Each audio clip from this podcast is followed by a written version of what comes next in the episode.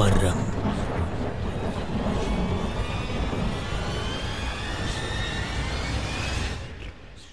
Malam Jumat seram.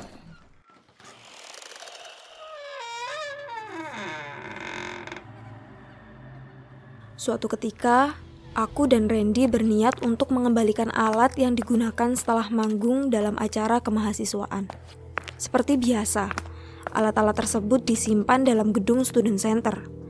Setelah semua alat dimasukkan, para mahasiswa berniat untuk mengunci pintu di ruang tersebut. Tak disangka, muncul sesosok wanita dari balik kaca jendela gedung yang menyapa kami. Dia tampak memanggil-manggil meminta untuk mendekat. Setelah pintu kami buka, tiba-tiba wanita itu menghilang. Setelah kami selidiki, Ternyata dia bukan manusia. Malam Jumat Sarah.